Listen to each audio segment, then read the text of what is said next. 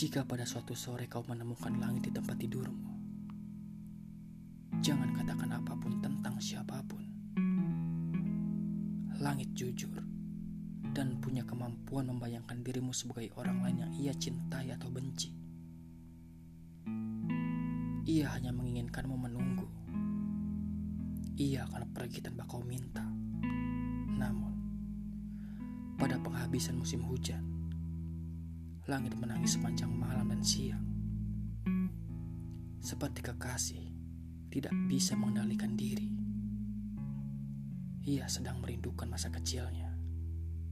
Bening, penuh warna, dan tidak memiliki prasangka.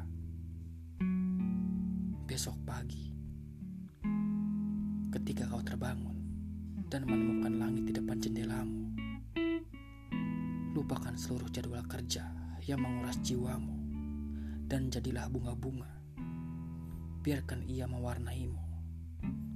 Ajak ia menyusuri jalan menuju masa kecilmu dan biarkan ia pergi ketika kau sudah sampai. Ia tidak tahu membuatmu kehilangan. Ia tidak bisa melupakan jalan menuju tempat tidurmu.